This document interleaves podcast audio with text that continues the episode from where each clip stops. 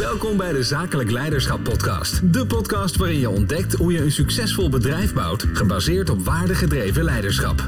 Hier is je host, Bart van den Bel. Hi, hallo en hartelijk welkom bij weer een nieuwe aflevering van de Zakelijk Leiderschap Podcast. Een podcast waarin we het hebben over hoe je een succesvol bedrijf bouwt op basis van waardegedreven leiderschap. Met vandaag als gast Peter Bronkhorst, marketeer in hart en nieren, voormalig oprichter van Printing Heroes en ehm, eh, oprichter van Gewoon Media.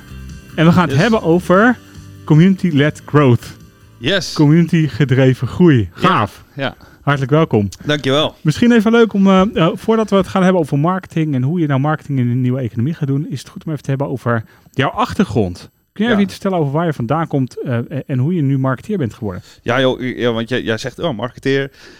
Het grappige is, als, elke keer dat ik dat hoor, denk ik, ja, maar ben ik dan een marketeer? Ja, ik, ik doe heel veel met marketing inderdaad. Eh, dus, dus inmiddels, Je hebt een marketingbureau. ja, ik heb een marketingbureau, dus inmiddels durf ik mezelf wel zo te noemen.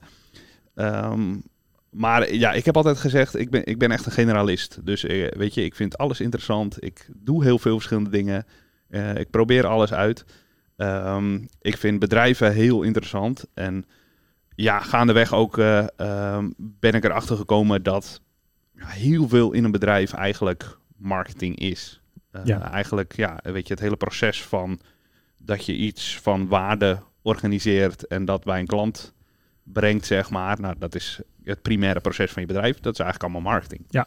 Ja. Ehm, dus in die zin, nou ja, zo, zo ben ik marketeer geworden, zeg maar. Ja, maar zo ben je niet begonnen. Nee, nee, ik, eh, ik, ja, eigenlijk als ik kijk naar, naar wat is nou echt het beginpunt van mijn carrière. ehm, ik denk in, in 2010 ben ik begonnen bij eh Eidenberg, retail interieurbouwer.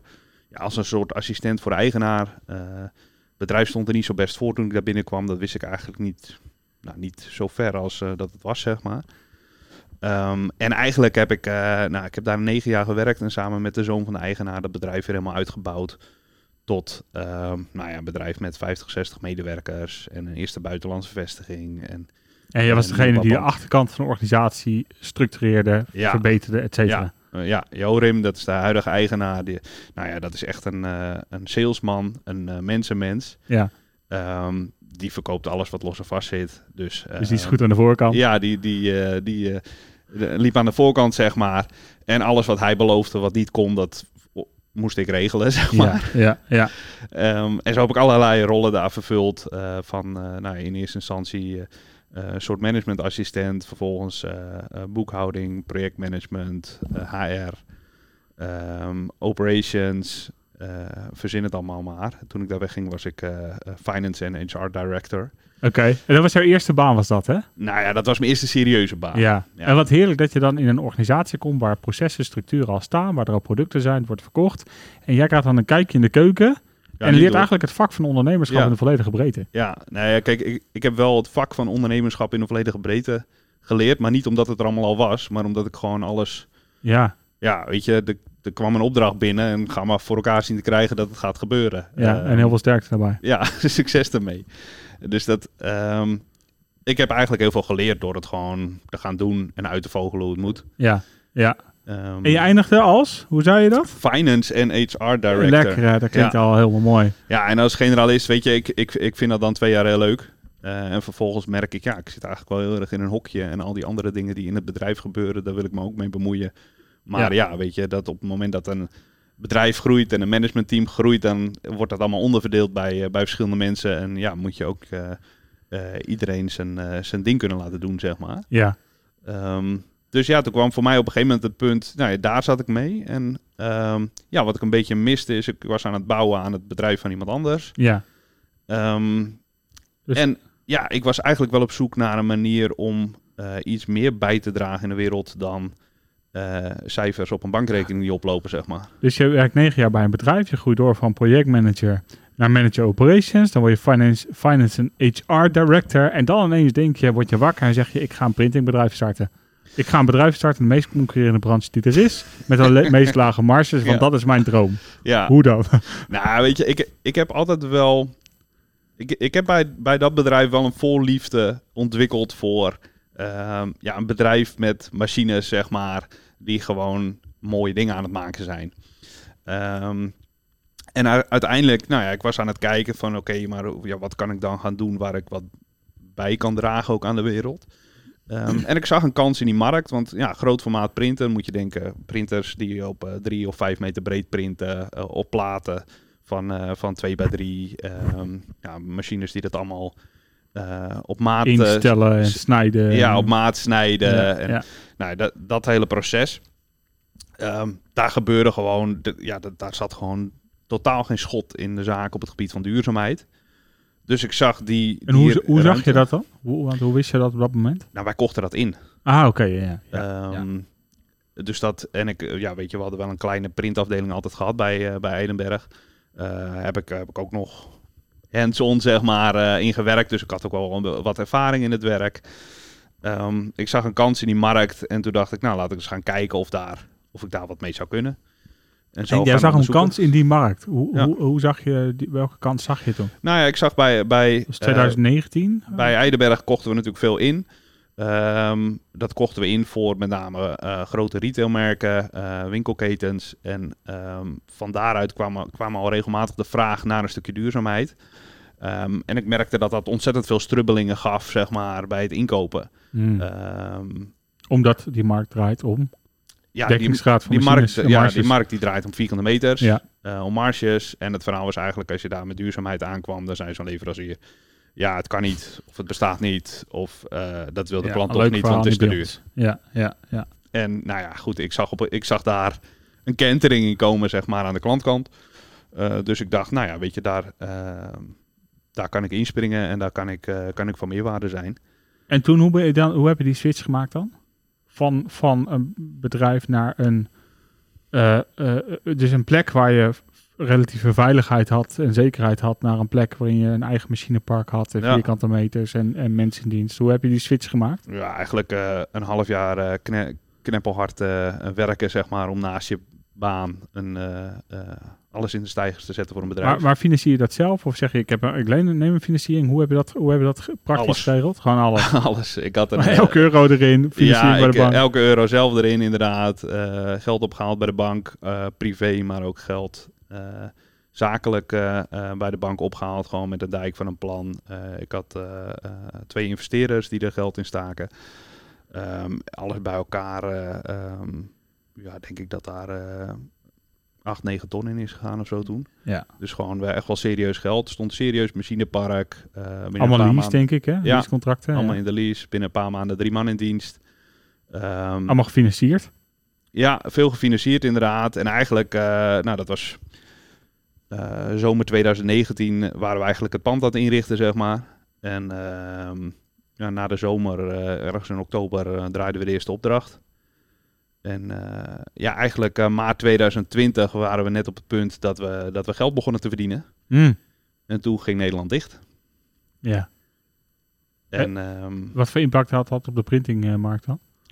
Ja, weet je, dat, dat, de grootformaat printmarkt die zakte in één keer in elkaar. Want dat was, ja, dat, dat bestaat met name eh, dat werk uit evenementen, retail. Hmm. Ehm, ja, dat was in één klap eh, was het allemaal weg. Wat grappig, want eh, wat grappig. Ik, ik had de indruk dat, dat dat bedrijf geen succes is geworden, omdat je in een te concurrerende markt zat met te weinig marges en te weinig Ja, onderscheidend vermogen. Jij zegt het heeft echt wel te maken met de coronacrisis. Nou ja, kijk, dat is, eh, ja, absoluut. Het heeft te maken met de coronacrisis. Maar ehm, daar komt bij, zeg maar, het is en en en. Ja, is als je, als je Dat is een beetje vet op de bot had gehad, was, was makkelijk geweest om daar doorheen te komen. ja, natuurlijk. ja. En, en als je, ehm, eh, als je een minder grote eh, risico's vooraf neemt, zeg maar, ja, dan heb je een grotere kans dat je er in zo'n situatie doorheen komt en dat je eh, Ja. leeft om een, om een volgende dag nog weer verder te vechten. Zeg maar. Ja, ja. En dat was gewoon, ja, weet je, wij, Play big, win wij big, waren all in gegaan. Eh, ik, ik ja, echt met het motto eh, go big or go home. Ja, En dat is ook uiteindelijk, kijk, als jij volgens de regels van die markt mee wil doen, ja. dan heb je gewoon een bepaalde capaciteit nodig. En dan moet je gewoon een bepaalde breedte in hebben in je aanbod, zeg maar, om, Ja. om daar überhaupt binnen te komen. ja. En jij Ja. zegt de regels van die markt, daar kom ik zo meteen nog even op terug als we het gaan hebben over je huidige avontuur. Ja, waar je bezig bent. Hoe is dat afgelopen met Printing Heroes? Want op, volgens jouw LinkedIn-profiel heb je het één jaar en zeven maanden volgehouden. ja, ja het eh, in april 2019 heb ik het opgericht. eh, bij de notaris en eh, zijn we daar gestart. Maar in werkelijkheid was ik natuurlijk al, was ik al eind 2018 eh, bezig met plannen maken, met praten met heel veel mensen. Ehm, en dat, weet je, dus zo'n aanloopperiode heb je ook nodig natuurlijk om in een situatie te kunnen komen waarbij je van niks kan starten met een bedrijf eh, waar bijna een miljoen in gaat en, eh, en drie man eh, Mm. staat en een pand en verzin het maar. Ehm, uiteindelijk in september 2020 heb ik het faillissement zelf aangevraagd. Ehm, omdat we gewoon zagen dat hier... het was niet alleen zo dat we op dat moment geen omzet hadden, of nauwelijks. Het was ook zo dat er geen uitzicht was Nee, op het moment wanneer dat wel Nee. zou gaan gebeuren, zeg maar. Hoe, hoe is dat even stilstaan bij faillissement? Want ehm, dat heeft jou in je gezin veel gedaan. Hoe is dat om een faillissement aan te vragen? In Amerika ben je dan namelijk een held. Dat heb je een keer meegemaakt, dus je wordt sterker. Maar in, eh. Eh, eh, en dat is ook zo, je wordt sterker, maar het is volgens mij wel een heel pijnlijk proces. Ja, nee, tuurlijk. Kijk, het, ehm,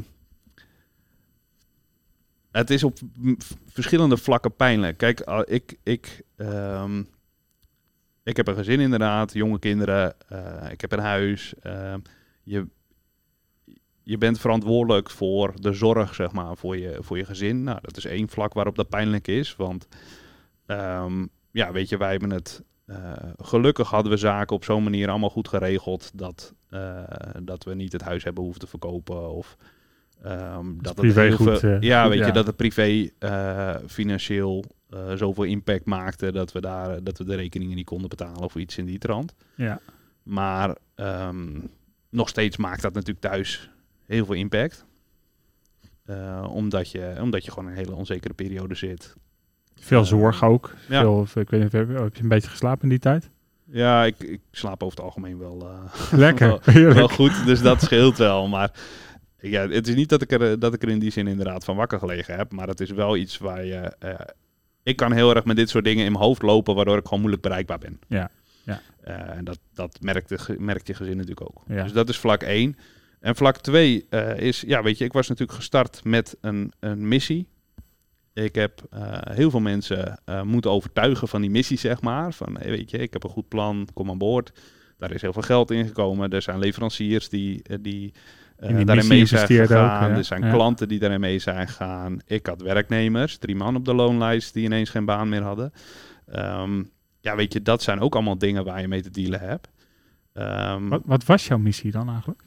mijn missie was om eh, de eh, markt van het grootformaat printen te verduurzamen, te helpen in de verduurzaming. Dus Hmm.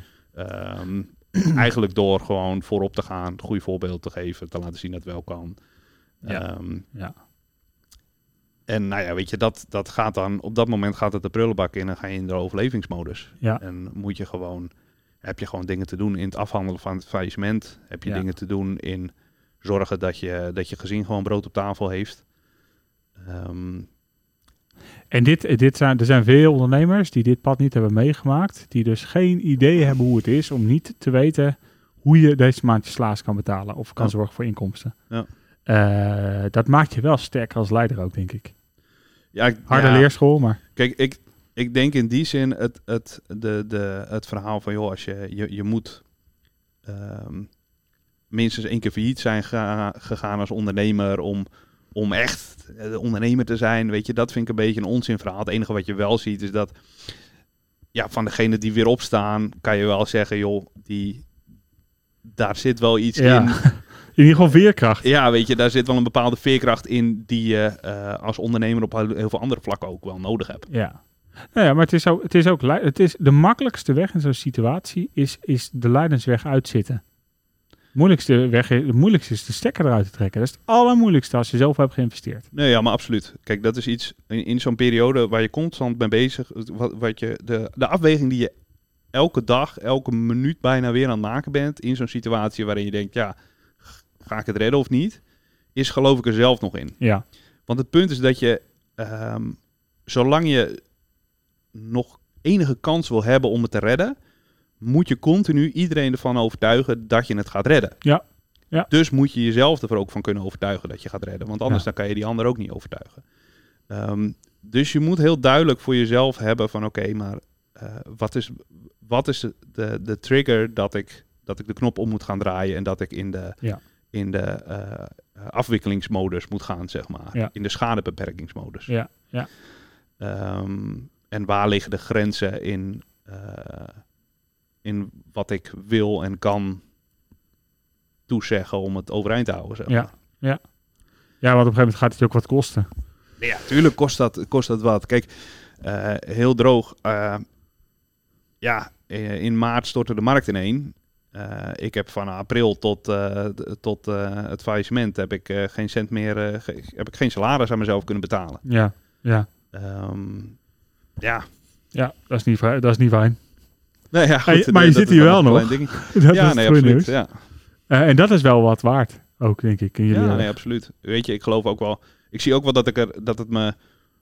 het heeft me absoluut op een heleboel vlakken armer gemaakt. Maar het heeft me ook wel op een heleboel vlakken rijker gemaakt. Ja. Ja, en hoe ben je dan bij Gewoon Media gekomen?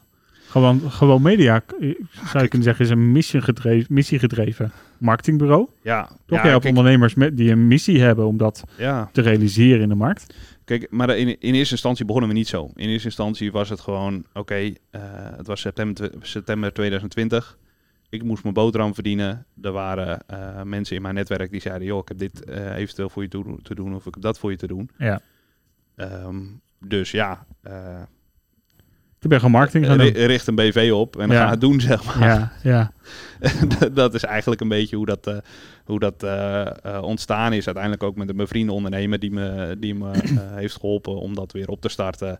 Ehm, en, en Mark, waar we nu nog steeds veel mee werken, die, ja, die op dat moment ook even tussen dingen in zat. En die Ja. zei van, joh, ik wil daar ook wel in mee, mee gaan draaien. Dus je bent begonnen als een klassiek marketingbureau, ook met een funnelplan. Weet ik nog? Ja, nee, dat, dat kwam nog later. In eerste instantie was het gewoon eh, met name printmanagement klussen en websites bouwen. Oh ja, ja, ja. En eh, ja, toen kwamen we eigenlijk al heel snel, eh, liepen we er tegenaan dat klanten gewoon met marketingvragen zaten in de zin van, oké, ja, weet je, wij hebben gewoon, we krijgen geen klanten eruit, Ja. zeg maar we kunnen wel een mooie website neerzetten of een mooi logo ergens op plakken, maar waar, hoe krijgen we nou klanten? Ja. Nou ja, toen ben ik gaan, gaan kijken van, oké, ja, onli- online marketing, ik had er natuurlijk wel mee te maken gehad, zeg maar, als, als ondernemer gewoon, dat je wat dingen probeert en dat je ze, eh, met een bureau werkt of dit of dat. Ehm, maar ik had het nooit zelf gedaan, in die zin nooit, niet voor een klant in ieder geval. Dus eh, nou, ik ben daar gewoon uit gaan zoeken, Ja, cursussen gedaan, ja. online, eh, maar ook ja, een paar maanden daarna Growth Tribe gedaan. Dat is een growth marketing. Eh, Growth hacken is dat, hè? Dus eh, Growth funnel hacken. eigenlijk. Wat dat je daar leert. Ehm, Even voor de, voor de luisteraars. eh, Growth Tribe is een organisatie internationaal die eigenlijk funnel hacken leert. Dus je leert experimenten opzetten, feedback loops in te gaan met die experimenten. En gewoon maar te gaan testen wat werkt. ja, Heel oplossingsgericht, houden wat werkt, weggooien wat niet werkt. ja. Dat hebben we de weet je, daar zat ook, daar zat ook conversieoptimalisatie in. Daar zat, weet je, er zaten verschillende aspecten in. Ehm, dus van daaruit toen nou ja, daarmee bezig gegaan. En toen leerde ik eigenlijk het trucje van... oké, zo zet je een funnel in elkaar. Oh, dat is grappig. Je kan eigenlijk gewoon zorgen dat iemand elke dag een paar leads binnenkrijgt. Ja. Nou ja, daarmee aan de gang gegaan. Ehm, en eigenlijk, ehm, ja, na verloop van tijd, op een gegeven moment een jaar later ongeveer... was alles een beetje afgesloten van het, van het faillissement. Toen merkte ik, hey, ik heb ineens weer ruimte in mijn hoofd Ja, ja, toen begon ik gaandeweg ook wel ik, eh, te, te zien van... Hey, ja, maar wat we eigenlijk aan het doen zijn op het gebied van marketing nu... is helemaal niet zo waardegedreven. Eh en ja, waarom doe ik dit eigenlijk, zeg maar? Mm, Wat, ja, eh, ja. Is dit nou wat ik, eh, wat, ik, wat ik bij wil dragen aan de wereld, zeg maar? ja. Ehm, Was dat Nou. ook de reden dat je bij Business Coach kwam destijds? De, de missie die we hebben? Nee, kijk, wat, wat voor mij op dat moment wel belangrijk was... is dat ik gewoon op zoek was naar manieren om iets bij te dragen aan de wereld. Mm. En ehm, toen die vraag van jou kwam van, joh, is dat niet wat voor jou? En, en eh, moeten we niet eens praten erover? Eh, en ik, eh, ehm, nou, toen klikte bij mij eigenlijk ook van, ja, weet je, dat stukje ervaring wat ik heb opgedaan vanuit het faillissement. Ja, En, ja. met het opbouwen van het bedrijf, het opbouwen van, van Eidenberg. Ehm, ja, weet je, dat is eigenlijk hele waardevolle informatie en hele waardevolle kennis om ondernemers mee verder te helpen die juist ja, in een fase zitten waarin ze vaak ehm, toch van, van, eh, Bedrijfsleider zijn met een lange ei. ja, van bedrijfsleider naar, eh, naar eh, ja, echt- Teamleider, teammanager, ja. ja, dat Ja. stuk inderdaad. Maar ook van ja, eigenlijk ZZP'er verkapt soort van loondienst naar ja. ik wil iets opbouwen wat, wat meer is dan mijn uren, zeg maar. Ja, ja. Ehm, nou ja, dat, dat U u begon dan als marketing manager bij Gewoon Media. En dat Ja. ging langzaam richting een missie. En dat, dat is eigenlijk iets wat al heel lang met je meeleeft. Maar je zocht daar een vorm voor. Ja. En, en nou ja, op een gegeven moment ben je bij Aldo terechtgekomen. Aldo Wink. ja, Die, had het, die heeft het over demand generation. Toch Ja. heel even een, een zijspoortje daarvoor. Ben ik even benieuwd naar... Wat, ik vind het allemaal mooi bedacht, hè? Maar is typisch een marketeer die een nieuwe term bedenkt om maar klussen te krijgen, toch? Of niet? nee.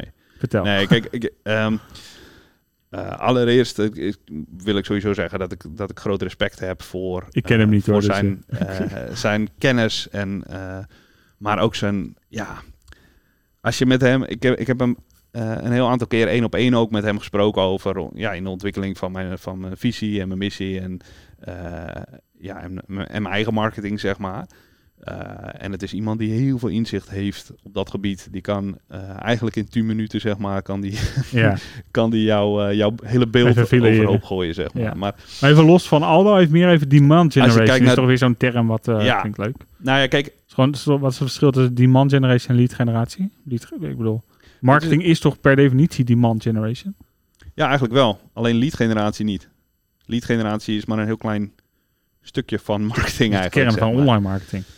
Nou, nee, ja, dat, dat, eh, dat is de afgelopen tien jaar hebben we dat zo gedaan. Alleen eh, dat kwam puur omdat er gewoon eh, door de techniek een bepaalde overvloed was. En mensen ja, daar heel erg makkelijk in meegingen. Het Ja. was gewoon een kwestie van nou, duizend, laat duizend mensen iets zien en er klikken er wel een paar. Zeg Ja. maar. Dat is eigenlijk een Ja. beetje... Even voor de mensen die niet in de marketing zijn. Facebook is eigenlijk niks meer als één grote Rolodex met e-mailadressen. Waar heel veel attributie op zit. Je weet precies wie erin zitten. En Facebook verkoopt elk e-mailadres aan iedereen die wil marketeren. Dus Ja. er worden honderden keren wordt jouw e-mailadres verkocht. Dat kan heel goedkoop. En daarom was het nummer één doel zoveel mogelijk e-mailadressen en telefoonnummers krijgen.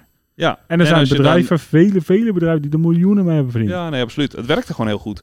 Ehm, maar wat je eigenlijk aan het doen bent, is als jij een bepaald product of dienst hebt, dan is een bepaalde doelgroep voor. Ehm, ja, Ja. ze hebben dat dus uitgezocht, maar een procent of drie van die doelgroep is op een, op een bepaald moment klaar om te kopen. Ja. Wat je eigenlijk aan het doen 3%. bent, is ik, ik schiet naar iedereen iets en die 3% die, die, Filtert klikt, zich eruit. die filtert zich eruit, zeg maar. Ja, en ik schiet naar 100 mensen. Dat kost 2 euro per, per stuk. Ja. Dus dan ben ik 2, keer, 2 euro keer 100 mensen is 200 euro kwijt. 3% koopt. Ja. Nou, dan ben ik dus voor een klant, het- wat zeg ik, de 6 euro kwijt. Ja. Dat, dat was het idee. Alleen, er zijn een aantal dingen aan de hand. Toch, zeg dat goed? Nou, niet uit. Er zijn een aantal dingen aan de hand in marketing waardoor dat steeds minder goed werkt. Zoals? Punt 1, het hele privacy verhaal, waardoor Facebook veel minder data heeft, maar ook veel minder Mag geven. mag geven. Maar daar staat weer server-side tracking tegenover. Hè, dus vanuit, vanuit de server Ja. data gaan verzamelen vanuit verschillende punten in plaats van vanuit de gebruiker. Ja, maar dat, dat werkt niet zo goed, zeg maar, dat dat echt een hele vervanging is. En wat je gewoon ziet, is dat het, het is gewoon hierdoor duurder geworden om eh, klanten bij Facebook vandaan te krijgen. Omdat je gewoon Ja. eh, gemiddeld jouw, jouw content aan meer mensen moet laten zien om een, een hit te krijgen, zeg Ja, maar. omdat het minder specifiek is geworden. Omdat je minder zien. specifiek kan targeten. Dus dat is een van de dingen die er aan de hand is eh, in marketing, waardoor het gewoon duurder is. En voor heel veel bedrijven het rekensommetje dus niet meer werkt. Hmm. Omdat het gewoon uiteindelijk meer gaat kosten om die klant binnen te halen dan dat ze eruit halen. Maar dan is de marge gewoon te laag van die mensen. Ja, dat zou je kunnen zeggen. Nu je dit zegt, kan het zijn dat het hele Facebook-verhaal bijdraagt aan de inflatie. Dus dat zou zomaar kunnen.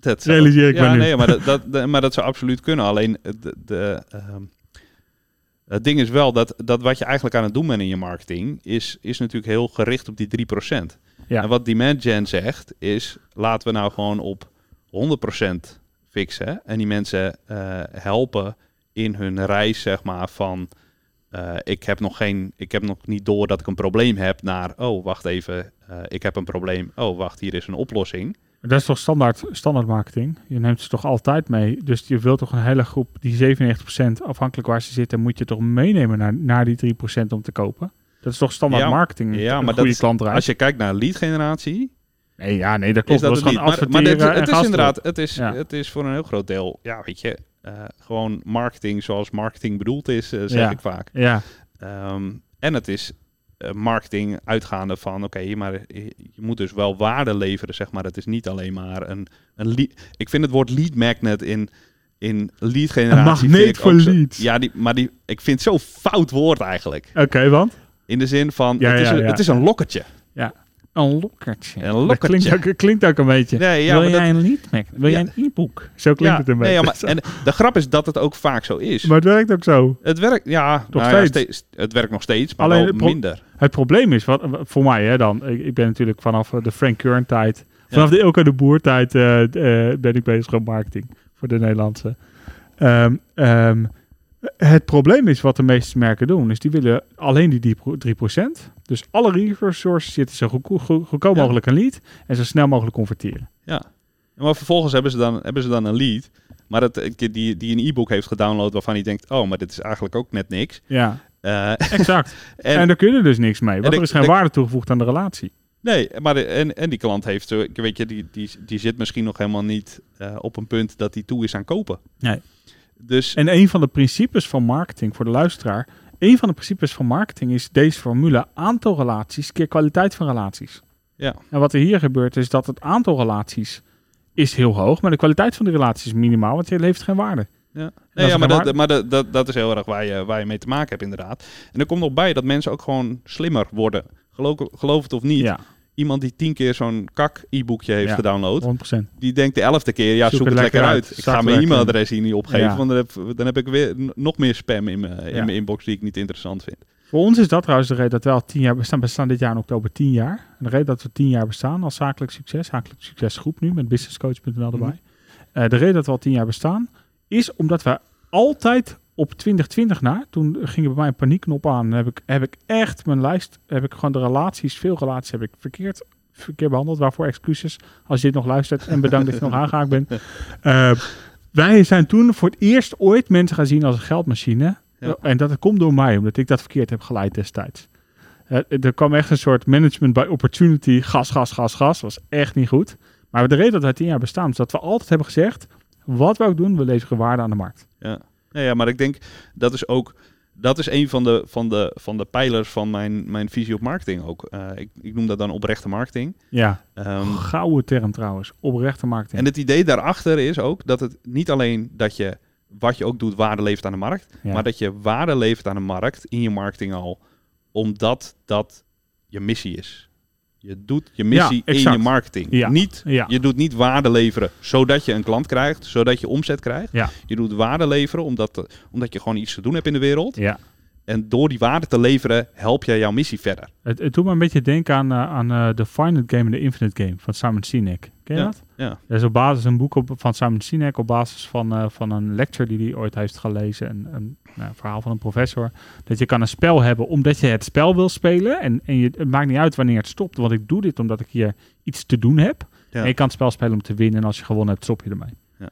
ja, dat is wel een belangrijk verschil. Ja, absoluut. Op, maar oprecht, wat is oprechte marketing dan? Oprechte marketing is dus dat je alles wat je naar buiten brengt in marketing, dat dat eh, voldoet aan de eis dat het waarde levert voor jouw doelgroep. Ik merk dat ik ga schrijven En dat, dat ik hier wil leren. Dus En- ik, dankjewel. dat, is helemaal- dat, het, dat het voldoet aan de eis dat het waarde levert voor je doelgroep, maar Ja. ook dat je, dat, dat je die waarde oprecht levert om, om aan je missie te bouwen, zeg maar, om waarde te leveren en niet om er omzet uit te halen vervolgens. ja. En natuurlijk, die omzet dat wordt wel een gevolg. En die omzet dan- wordt op een gegeven moment, die heb je ook wel op een bepaald vlak op een gegeven moment nodig natuurlijk om duurzaam aan je missie te kunnen bouwen. Maar oprechte marketing is, Een in de kern- maken om een verschil te maken. ja, het Met gaat, als gevolg dat er geld wordt verdiend. ja. Kijk, de, de, het, het belangrijkste verschil is gewoon de oprechtheid.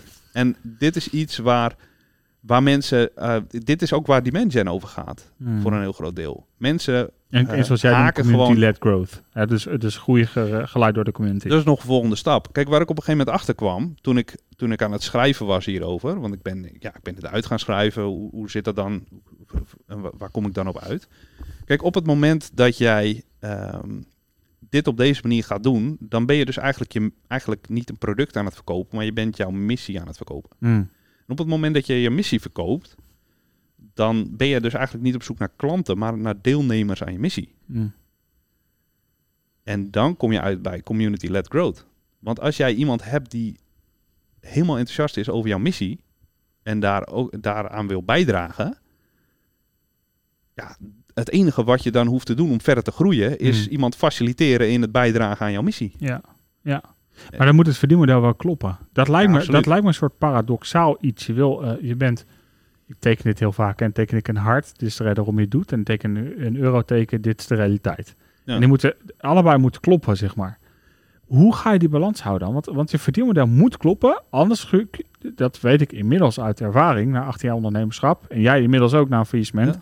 Als je te weinig verdient, word je overwerkt, want dan heb je niet de cashflow om het uit te besteden. Ja. Dus hoe ga kijk- je dat dan voor elkaar krijgen? Als ik er naar kijk, kijk, er zijn twee dingen die hierin meespelen. Ehm, punt 1 is, op een of andere manier hebben wij altijd het idee dat we als we een bedrijf starten, dat je dan binnen een jaar of twee moet je toch wel succesvol daarmee zijn, zeg maar. Dat was ook zo in de Facebookperiode. Wat zeg ik, drie maanden. Ja, Wat zeg ik, campagne live twee weken. ja maar dat is leuk bedacht. Alleen, kijk, eh, hoe, hoe, hoe oud ben jij nu? 38? 38. Dus in, in wezen kan je daar, weet je, er kan natuurlijk van alles gebeuren, maar in principe ben je nog niet eens op de helft. My goodness. Ik moet hem even laten za- zakken. dat is echt verhaal dit ook. nee, ja, nee, ja, ik, ik, eh, eh, ik heb al- wel gezegd, ik heb eh, voor mijn gevoel, ik heb best, wel een, best wel een leven gehad, zeg maar. Ik heb eh, 40 jaar door de woestijn gezocht en ik, ik ben, volgend jaar word ik 40. Dan Ja. loop ik het beloofde land in. Dan begint mijn echte, dan begint mijn, mijn grootste passie begint pas. Het beste moet nog komen, zeg maar. Ja, maar dat, dat, dat is ook prima. Maar het, het, het idee dat we dat, dat, dat, dat, dat in binnen een bepaalde termijn of heel kort moet, Ja, ja, nee, dat- ja. dat slaat natuurlijk nergens op. Alleen het, het dat, eh, dat zeg jij nu, hoe oud ben jij nu? 36. Dat zeg je nu vanuit je leeftijd ook. Want toen wij, tenminste dat denk ik, dus even mijn aanname, toen wij 25 waren, dachten wij, hoezo, gas, gas, gas, gas, gas, toch? Tuurlijk, maar je mag best gas geven. Alleen het, het, ehm, een, van de, het, een van de problemen zeg maar, met dat, met dat cashflow verhaal, dat ontstaat omdat we sneller willen dan organisch eigenlijk normaal zou kunnen. Kijk, op het moment dat ik 9 ton in een, in een bedrijf stop, Ja, dan leverage ik eigenlijk, zeg maar, ik, ik heb zelf een, eh, weet ik veel, een anderhalve ton. ja. En die ga ik leveragen om daar 9 ton van te maken, zodat, die anderhalve, zodat ik met die anderhalve ton veel sneller kan dan Ja. normaal met alleen die Ja, anderhalve Dus, ton. dus uh, En dat is een soort van- time, people's money. Ja, en dat is het, het- hetzelfde met adverteren ten opzichte van organische content. Wat je eigenlijk aan het doen bent, is een soort turbo, een soort lachgas erop zetten, zeg maar. Ja. Eh, maar het is, eh, het is zodra je, zeg maar, die, zodra het, het, het, het tankje leeg is, stopt dat ook weer. Wij noemen dat gezonde groei, hè? Als je ja, maar daarom, daar hadden, we, hadden wij het net voor de uitzending al even over. Ik draai nu een interim opdracht, zeg maar, na, naast dat ik met gewoon media bezig ben. Ja. Eh, en daarvan kan ik in principe, ik, ho- ik hoef met gewoon media nu eigenlijk geen geld te verdienen. Ja. Ik kan alles betalen vanuit de ja, interim opdracht. ja, Dat geeft zoveel dat dan? rust. Nou, het, het punt is dat je op het moment dat jij een, een klokje hebt dat afloopt. en, en toch, ja. En, en, op, en je weet dat op een Ik gegeven moment gaat het. gaat- dus ik heb gaat hier iets te leren. ja, Vertel. dus- maar op een gegeven moment, op, op het moment dat jij, dat jij tegen een klokje aan het, aan het werken bent van een, van een leeglopende bankrekening, ja. Dan hoe dichter je bij dat, eh, het einde van het klokje komt, zolang jij het nog niet werkend hebt, ga jij steeds meer concessies doen ja, op je missie. Ga je saboteren. Ja, ik denk dat andere ondernemers het ook herkennen. Herkenbaar. En de grap is dat, eh, Zie 2020. dat ja, maar dat, dat, dat gaat juist weer averechts werken dat je die concessies doet op je missie. Of het, het werkt voor de korte termijn, maar vervolgens. Ja, maar dat is anders. Dus eh, commissies, zeg maar, concessies doen op je, op, je, op je missie op basis van cashflow is niet goed. Nee. Maar wat je nu zegt, dat doe ik zelf ook. Hè. Dus Business Coach Nederland. We hebben een heel helder doel. Eh, ondernemers helpen met gezonde groei. Ja. Dat is, het, dat is de, onze missie. Eh, grotere missie, waarin we, wij kijken naar de nieuwe economie. Toch eventjes onze quote noemen. Dit, dit is waarvan wij denken hoe een bedrijf moet zijn. Het doel is om van je bedrijf een wendbaar, winstgevend systeem te maken. Waarbinnen mensen tot hun recht komen en een repeterende waarde wordt geleverd aan de markt met zorg voor onze wereld. Ja. Zorg voor de wereld, mensen tot hun recht, gaat over gezonde groei, gaat ook over, dus ook over oprechte marketing gaat dat in, in essentie. Mhm. Alleen het feit dat ik, ik doe het met heel veel liefde en plezier, het is echt mijn passie. En dat kan ook, want ik heb een team die hier eh, het werk doet en een hele goede compagnon. Ehm, maar het feit dat ik weer ja, in het bedrijfsleven aan het spreken en trainen ben, omdat ik de, de, de, mijn management fee liever investeer in groei van mijn bedrijf, Dat maakt wel dat ik twee, drie dagen uit dit bedrijf stap. En Ja. dat kost ook wat, gezien de snelheid waarmee ik dingen kan implementeren. Ja. Snap je? Als, als oprichter van mijn organisatie Dat kost is- dat ook oh, wat. Dat is waar ik het net over had. Hoezo? Ja, dat kost wat in de snelheid. Ja, maar, dat is, Ja, maar, dat, Oké. maar dat is voor de organisatie niet gezond. Want projecten die gewoon opgeleverd kunnen worden, die leiden naar groei. En groei heb ik het over gezonde groei, meerwaarde voor de markt, meerwaarde voor het team. Ja. Die worden nu over een maand of twee maanden opgeleverd. Jij Oké. zegt dat is geen probleem. Nee, je hebt nog genoeg tijd. Wacht eventjes. Ik moet hem even laten zakken.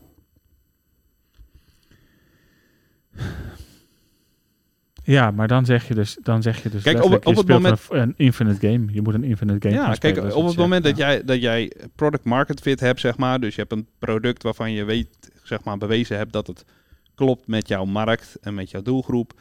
En dat je, eh, ja, weet je, je, hebt allerlei fits die je daaraan kan passen. E- er- Ergens moet je bedrijfsmodel daar ook in kloppen. Op het moment dat het allemaal met elkaar klopt. En je zegt, joh, op, eh, nu zouden we kunnen versnellen door bijvoorbeeld eh, meer te investeren. Of weet je, dan zou ik zeggen, ja, weet je, da- dan kan je die stap maken. Maar op het moment dat je daar nog niet bent, dan, dan ik- zet je voor jezelf een klokje, zeg maar, om daar wel te komen. Dat is wat je al die start-ups ziet doen en, en, en waar ze... Ja, maar daar komt dat er geld in, extern, extern geld in zit. En dan moet het, is- ja, op het moment dat er aandeelhouders zijn, is het een probleem. In, want eh, aandeelhouders, is ik investeer en dus moet ik geld verdienen.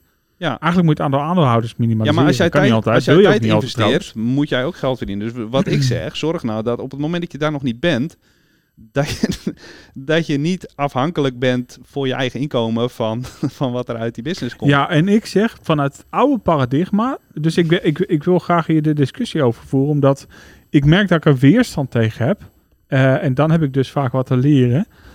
Maar vanuit het oude paradigma zeg je dan: het verdienmodel klopt gewoon niet. Want je zou, dus dat is waar. hè? Je kan zeggen, ja, je wilt te snel. Maar je kan ook zeggen, wacht even Peter. Je gaat nu een herhaling van Z doen. Je gaat nu wat je bij Printing Heroes deed. Je marge is te laag. Ga je nu op je ge- huidige marketingbureau doen. Alleen je verkoopt het nu aan jezelf onder het kopje missie. Nee, ik, ik ben juist precies het tegenovergestelde aan het doen. Maar hoezo? Als je marges laag zijn en je moet nog werken ergens anders. Ja, maar het punt is dat, kijk, nu heb ik de tijd naast wat ik, ik bedoel, die interim klus, dat is twee, drie dagen per week. Daarnaast heb ik de tijd om uit te vogelen hoe dat verder. Oké, maar, maar wat, hoe je op wat- dat punt komt, zeg maar. wat als je geld helemaal uit Equation zou halen, realiseer ik me nu. Wat als we zeggen, het draait niet om geld. Het draait Ja. om een missie. Wat je feitelijk wil. Het draait ook om een missie. Alleen, En dan zeg je, dan ga ik gewoon een tarief rekenen waardoor we een marge kunnen draaien. Eh, Het Tony Chocoloni, prachtig voorbeeld, 30 miljoen euro omzet, ja, een ton winst. ja, Nou, echt impact ondernemer. Ja. Volgens de scaling up, hè, Pieter van ons. Ja, super, die moet trouwens ook nog eens een interviewen. Supergoeie, ehm eh, supergoed verhaal. Mooi ook dat het niet zoveel uit de strijkstok blijft hangen. Bijna als een NGO, hè, be- behandelen ze het hele verhaal. Ja, superkrachtig. Maar heel eerlijk, met een omzet van 30 miljoen en die productiecapaciteit... ga je met een winst van een ton voldoende, voldoende buffer bouwen... om slechte jaren door te komen. Ja, dat, dat kan je afvragen. Maar dat is ja, dat, is wel iets wat dat, me afvraagt. daar, ik, ik, ik weet niet hoe dat aan de achterkant bij hun in elkaar zit. Maar Oh, ik, ik kan me daar... eh, ehm, Is dat gezond? Is dat gezond? Is de vraag. Moet je niet zeggen, we moeten een 10 of 15 procent eh, winstbuffer hebben, weerstandbuffer, elk jaar op kunnen bouwen. Dat moet de winst zijn om ervoor te zorgen dat je kan continueren, want we zijn afhankelijk van de markt. En in de markt fluctueert het. Kijk, wat niet denk klopt, denk ik, is, is, die, is die, die, die, weet ik het, 34 miljard die een, die een Apple verdient of een Google. Ja, dat vind ik niet gezond. Hoewel Apple vind ik nog een uitzondering omdat ze echt een hele goede duurzaam project investeren. Google trouwens doet dat ook steeds meer. Facebook achterlijk natuurlijk, wat die allemaal doen. nee, ja, ik, ik zou eerder kijken naar Shell dan bijvoorbeeld. Maar goed. Is, Nou, Shell kunnen we het helemaal over hebben. My goodness, hey, dan mijn- word ik gevraagd bij een Het zat een tankstation. beetje in mijn allergie eh, afgelopen maand. Nummer 1 uitstoter. Wil jij bijdragen als klant aan emissie? Dan denk ik, wat een flip. Weet je wat die voorzitter van jullie betaalt? Dat is... Hè, maar tegelijkertijd is dit het systeem, kapitalisme, waar Marx al voor, voor waarschuwde dat er accumulatie, accumulatie van geld en macht aan de top is. Ja. Er zijn systemen, als je systeemeigenaar bent, dan gaat alles druppelt daar naar naar de top. Maar ik denk ook serieus dat daar wel, kijk, de, de- daar. ehm, in dat systeem zijn bepaalde dingen die niet werken, die niet kloppen. En ja, daar moeten we wel wat mee als Maar hoe kun je dat dan doen? Want je kan ook zeggen, ga je naar het communisme. Er- Dus er zijn, je hebt socialisme, je hebt communisme, je hebt kapitalisme. Dat zijn drie dingen. Socialisme is oh, iedereen gratis geld. Wat, waar echt wel wat voor het zeggen is. Communisme is de staat is almachtig die weet. Kapitalisme is de markt bepaalt. Geen van de drie systemen zijn perfect. Nee. Wat zou dan een goede zijn? Ik denk godseconomie. Ja, nee, absoluut. Maar eh, als je kijkt nu naar, naar waar we nu zijn, kijk, ik denk niet dat je kan, kan zeggen, joh, we worden nu met z'n allen natuurlijk communistisch. Maar ik denk wel dat, er, ehm, dat het goed is om te onderzoeken, zeg maar, wat er mogelijk is en, en nieuwe dingen te proberen. Wat ik een heel mooi eh, initiatief vind, eh, dat noemen ze dan steward ownership. Zijn bedrijven, ehm, ik zag hem laatst eh, voorbij komen van sprinklerplanten. Nou, dat is ook een start-up. Die eigenaars die hebben gezegd, joh, ehm, we gaan ook met de investeerders zitten. We gaan de, de aandelen worden in een stichting ondergebracht. Die stichting die krijgt zeg maar alles te zeggen over het bedrijf. En die gaat ervoor zorgen dat het bedrijf primair ehm, wordt aangestuurd op gaan we eh, maken we onze missie waar op, op lange termijn. Ehm, en het mooie, de- het mooie daarin vind ik dat je het, de, de belangenverstrengeling eigenlijk, als je zegt van nou we hebben een missiegedreven onderneming, dan zit er een bepaalde belangenverstrengeling van aandeelhouders natuurlijk in. Omdat er vaak keuzes gemaakt moeten worden tussen gaan we een verschil maken in, eh, in Ja. onze missie Ja. of gaan we cashen. Ja, ja. En als aandeelhouder heb je er gewoon een belang bij. Soms is dat heel realistisch ook eh, natuurlijk gewoon. Maar je- weet je, dat, je hebt er geld ingestopt en dan moet ook, dat geld moet wat opleveren. Zeg. maar. Mhm. Ehm, maar ik denk dat, dat zo'n ja, zo'n andere, andere vorm van een bedrijf aansturen, dat het met name voor echt missiegedreven ondernemingen, dat dat heel interessant kan zijn. Ja. Ehm, maar tegelijkertijd is het Mits heel nieuw, dus moeten- helder is dat in de besluitvorming de missie leidend is in de besluitvorming. Ja, nee, absoluut. En dat je een discussie hebt rondom de missie. Want wij hebben natuurlijk ook met, met eh, nu 15 aangesloten coaches, hebben wij ook wel eens discussies Ja. van hoe gaan we dingen doen. En, en kijk, eh, ik ben eigenaar, Ernest is straks eigenaar, dus wij zijn enige eigenaar. Maar zo voelt het voor mij niet en voor de coaches ook niet. We zijn allemaal beslissingnemer. Ja. Ehm, Maar dat is tegelijkertijd een heel ingewikkelde constructie natuurlijk. Want je bent allemaal beslissingnemer, maar eigenlijk ook niet. En eigenlijk, Nou ja, de- dus, de, dus dat betekent dat ik ben de steward maar- van deze organisatie. Ik, mijn Ja. rol is om een, om een dus, dus dat heeft te maken met mijn visie. Mijn visie is, ik moet keuzes maken in belang van de coach. Wil dit bedrijf kunnen groeien? ja. Dus als ik keuzes maak die tegen het belang van de coach ingaan, ga ik mijn eigen bedrijf saboteren. Maar tegelijkertijd heb je daar een bepaalde belangenverstrengeling. Wat is mijn belang dan? Nou ja, eh, belang voor jou is ook eh, de, de, de financiële output van het bedrijf, zeg maar. En het kan, heel- kan natuurlijk best zijn Ja. dat je ergens anders, eh, weet ik veel, dat jij ineens eh, van de gemeente hoort dat je, dat je voor de grond van je huis nog even drie ton extra moet betalen of weet ik veel wat. Soms gebeuren er dingen. Ja, Dat jij ineens een cashbehoefte hebt ja. die het heel verleidelijk maakt om andere keuzes te maken in je bedrijf. En in wezen in dat, Nederland... dat heb maar, ik dus één je- keer gedaan, hè? En dan word je wel wijs van ervaring. In 2020 hebben, we- hadden we 3.500 telefoonnummers van mensen die ooit iets bij ons hadden gekocht. We hebben allemaal twee keer gebeld. Mensen werden knettergek van. Ja. Kopen, kopen, kopen, kopen. Echt verkeerd gedaan. Daar heb ik echt wel van geleerd. Maar goed, uiteindelijk is Dus dat wel... Je saboteert succes hier namelijk dan. Ja, de- de- da- daarmee saboteer je succes op de lange termijn. Maar uiteindelijk is zeg maar een, een BV of een, een, een bedrijf in Nederland. Het, het idee van een bedrijf, het doel van een bedrijf, zoals dat in onze economie is opgebouwd, is waarde opleveren voor de aandeelhouder. In dat het bedrijf meer waard wordt of in dividend. Dat klopt. Dat is economisch gezien. Dus voor mij ook. Dat is de is reden dat ik zo, zo veel uren maak in mijn bedrijf. Ja. Dat ik wil, dit draagt bij aan mijn financiële vrijheid. Maar economisch gezien, zeg maar, als je, als je kijkt naar hoe het, hoe het op papier is ingericht, is een missie niks. Als je kijkt naar hoe Nederland op papier is ingericht, bedrijfsmatig, Ja, weet je, je gaat ga- bijna... ga- gaat een bedrijf alleen maar om Ja. geld opleveren voor de aandeelhouders. En dat maakt dat dan dit, ga je het gewoon hebben over het is. fundament van onze economie, feitelijk. Is ook zo. Dus dan hebben we twee vragen te beantwoorden. Hè? Want een, een van de grote discussies die is, ons, moeten wij onze economie bepalen op basis van ons bruto nationaal product? Of moeten we gaan kijken naar een geluksmonitor? Dat is een grotere vraag die leeft. Ja. Bij een bedrijf kun je zeggen op leiderschap, wat als we het anders te doen? En ik als leider zou uit het bedrijf stappen en ik zeg, jongens, jullie moeten het gaan regelen. Wat gebeurt er dan met de organisatie? Dan worden er geen keuzes gemaakt. Dan heb je namelijk 15 kapiteins. Ja. Dus dat betekent dat zij moeten vertrouwen hebben in mij en ik moet, ik moet in dienst staan van hun. Als dat ergens misgaat, Ja. in jullie dienst, zeg maar, als dat misgaat, ja, dan, dan, dan saboteer ik het systeem, rent iedereen weg. Dus ik heb een heel goed mechanisme. Dat is namelijk, ik heb 15 mensen die me aankijken. Hé Bart, ben je nou keuze aan het maken voor jezelf of voor ons? Ja. En dan, Nee, maar en dan dat- moet ik ze dat- meenemen als keuzes maak voor in- mezelf. Waarom Oh. ik dat doe? Aan die kant is dat ook een goed mechanisme. Alleen het punt is dat je aan de andere kant zeg maar, ziet dat het economische systeem niet zo is ingericht. Want? Want het economische systeem is gewoon ingericht op eh, dat bedrijf moet jouw geld opleveren en verder boeit het allemaal niks.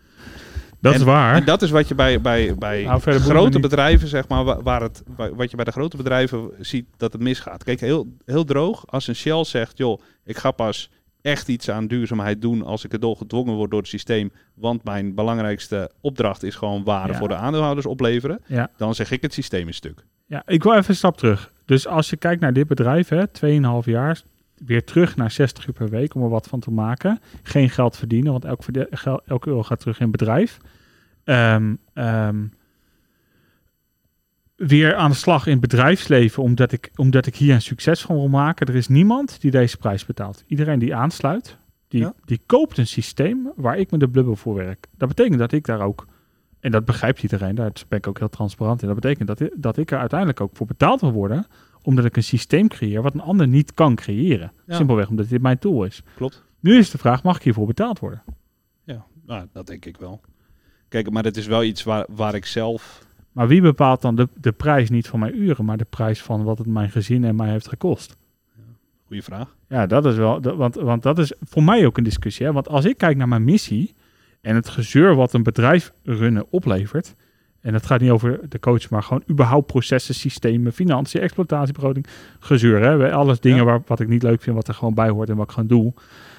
Ik zou veel li- liever hebben, hey joh, laten we de missie centraal zetten.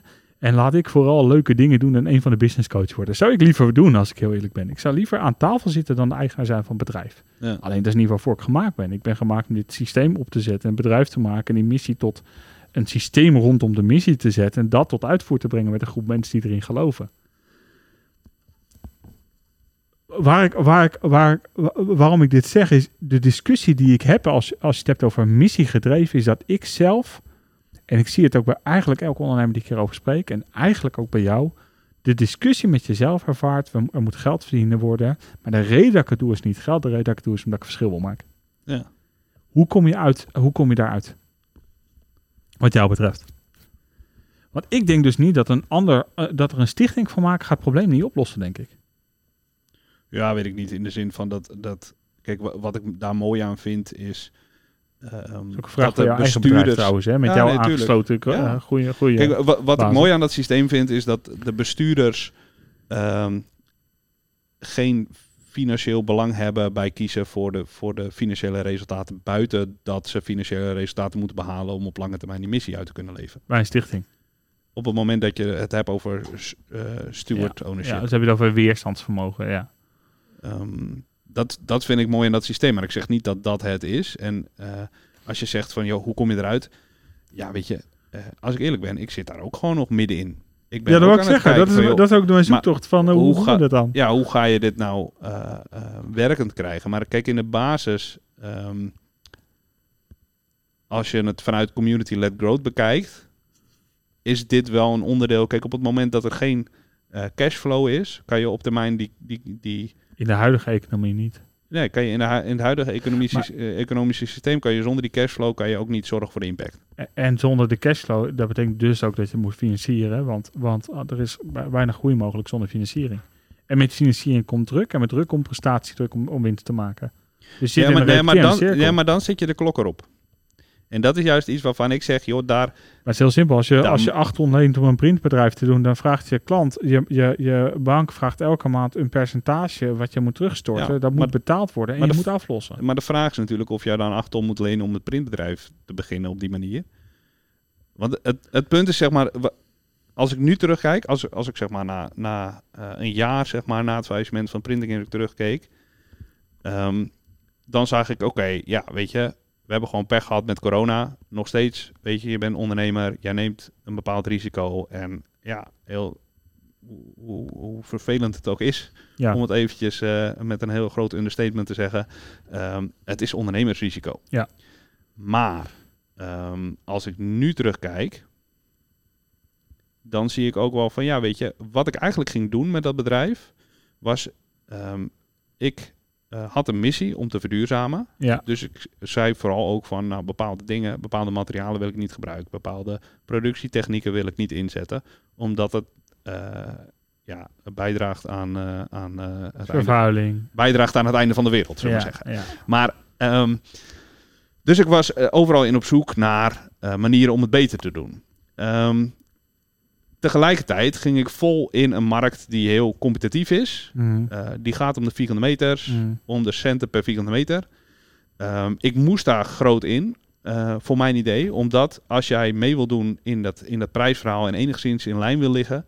eh, op het moment dat jij een, een kleine machine met een lage capaciteit koopt... Ja. dan kan je qua prijsniveau nooit mee. Omdat, heel simpel, alleen de inkt is al, eh, Ja. gaat al een paar keer over. Ja, jij zei, ik, ik, ik, ik moest mee in de marges. Dus ik moest spelen volgens de spelregels van de oude economie. Dat is Ja. wat je eigenlijk zegt. Nee, ja, maar dat, je, dat, een dacht ik in mijn hoofd. hebt. Alleen mijn, eh, dat was ik aan het doen, maar met één hand op mijn rug. Ja. Ehm, en misschien had ik het wel gered als, ik, als, als de marktomstandigheden anders waren geweest en ik gewoon keihard had gevochten. Misschien Ja. was ik er wel gekomen. Ja. Maar als ik nu terugkijk, zou ik het nu wel anders doen. Ja. En dat is eigenlijk afgelopen maanden is dat besef pas gekomen. Dat, ja, weet je, ik was hun spel aan het spelen, Ja. maar dan met één hand op mijn rug. Terwijl Ja. ik, had een, ik had eigenlijk een ander spel te spelen. Mm. En als ik nu terugkijk, kijk, eh, Welk dat- spel had je te spelen dan? nou ja, ik, ik had een missie om iets te veranderen. Ja. En eh, ik, was aan, ik was een product aan het verkopen, Ja. de vierkante meters, Ja. maar ik had een missie te verkopen. Ja, ja en dat is het grappige jou- was, als ik nu terugkijk, zie ik dat er, ook, dat er ook markt was voor die missie, zeg maar. Want er waren genoeg leveranciers en klanten die, die daar helemaal in opgingen en die eh, echt hun best deden om met ons te kunnen werken Mm. om die missie. Mm. Ehm, dus op het moment dat ik bezig was gegaan met die missie verkopen, dan had ik een heel ander businessmodel opgezet. Ja. Met een veel lager investeringsdrempel. Eh, en dan had, het, had de wereld er misschien heel anders En uitgezien. dan had je mensen gehad die daarvoor wilden betalen. En die zit je niet op Ja. marge. Nee, inderdaad. En weet je, dat is wel... ehm, Ik zit me wel aan het denken hoor, zo mooi. Maar kijk, wat, wat jij, wat ik ook trouwens, wat wij samen allebei aan het doen zijn, allebei met ons eigen bedrijf, is wij zijn actief bezig met de nieuwe economie vorm te geven. Ja. Terwijl we zitten in een spel wat al gespeeld wordt volgens de regels van de oude economie. ja, maar En daar zit wel, een soort Als je, als je uitdaging in. goed gaat kijken, zie je wel dat er steeds meer bedrijven komen Ja. die ook andere regels toepassen. Dat er steeds meer ondernemers Ja. komen die ook met andere regels Maar spelen. dat, jij zegt En- regels. Volgens mij is het goed om onder die missie dan regels te hangen ook, of niet? Sorry, ik ga te snel. Ik zie je. Ja, dat is... Dat, Ik word hier enthousiast van, dat is goed nieuws. ja, nee, maar, ik, ik, maar ik, ik denk dat dat, dat dat... Kijk, je moet je realiseren dat je, dat je Wat zijn inderdaad... onze regels? Dat is goed. Als je op dezelfde manier, zeg maar, in, in, volgens hun spelregels wil spelen... Ja. dan ben je met één hand op je rug bezig. ja.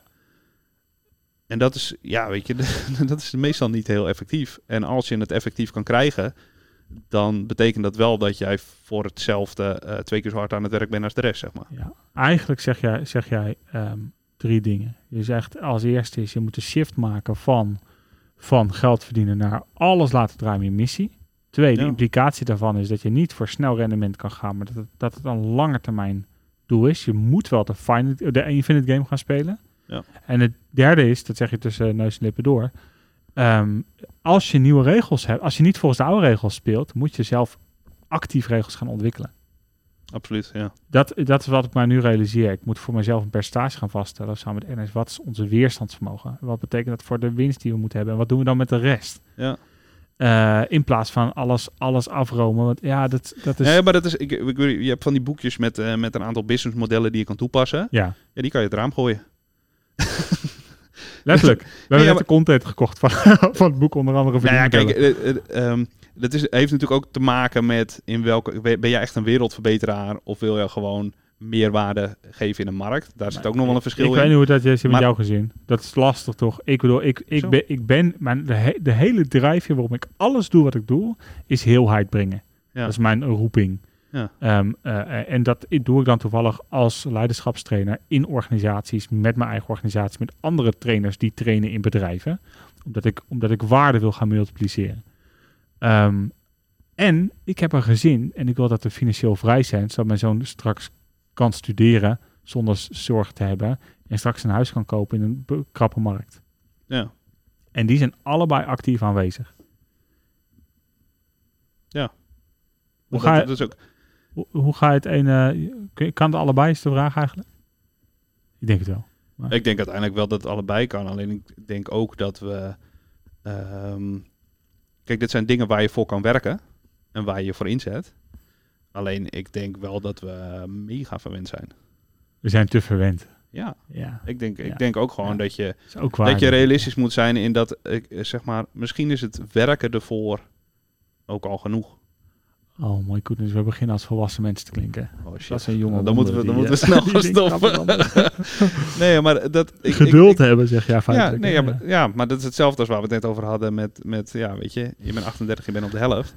Ehm, het, het idee dat, dat wij eh, iets, dat wij dat binnen een bepaalde tijd dan ergens moeten zijn, ja, dat hebben we zelf bedacht. Dat heeft echt te maken met de fase waarin wij zitten in ons leven, hoor. Dat wij dit zeggen nu.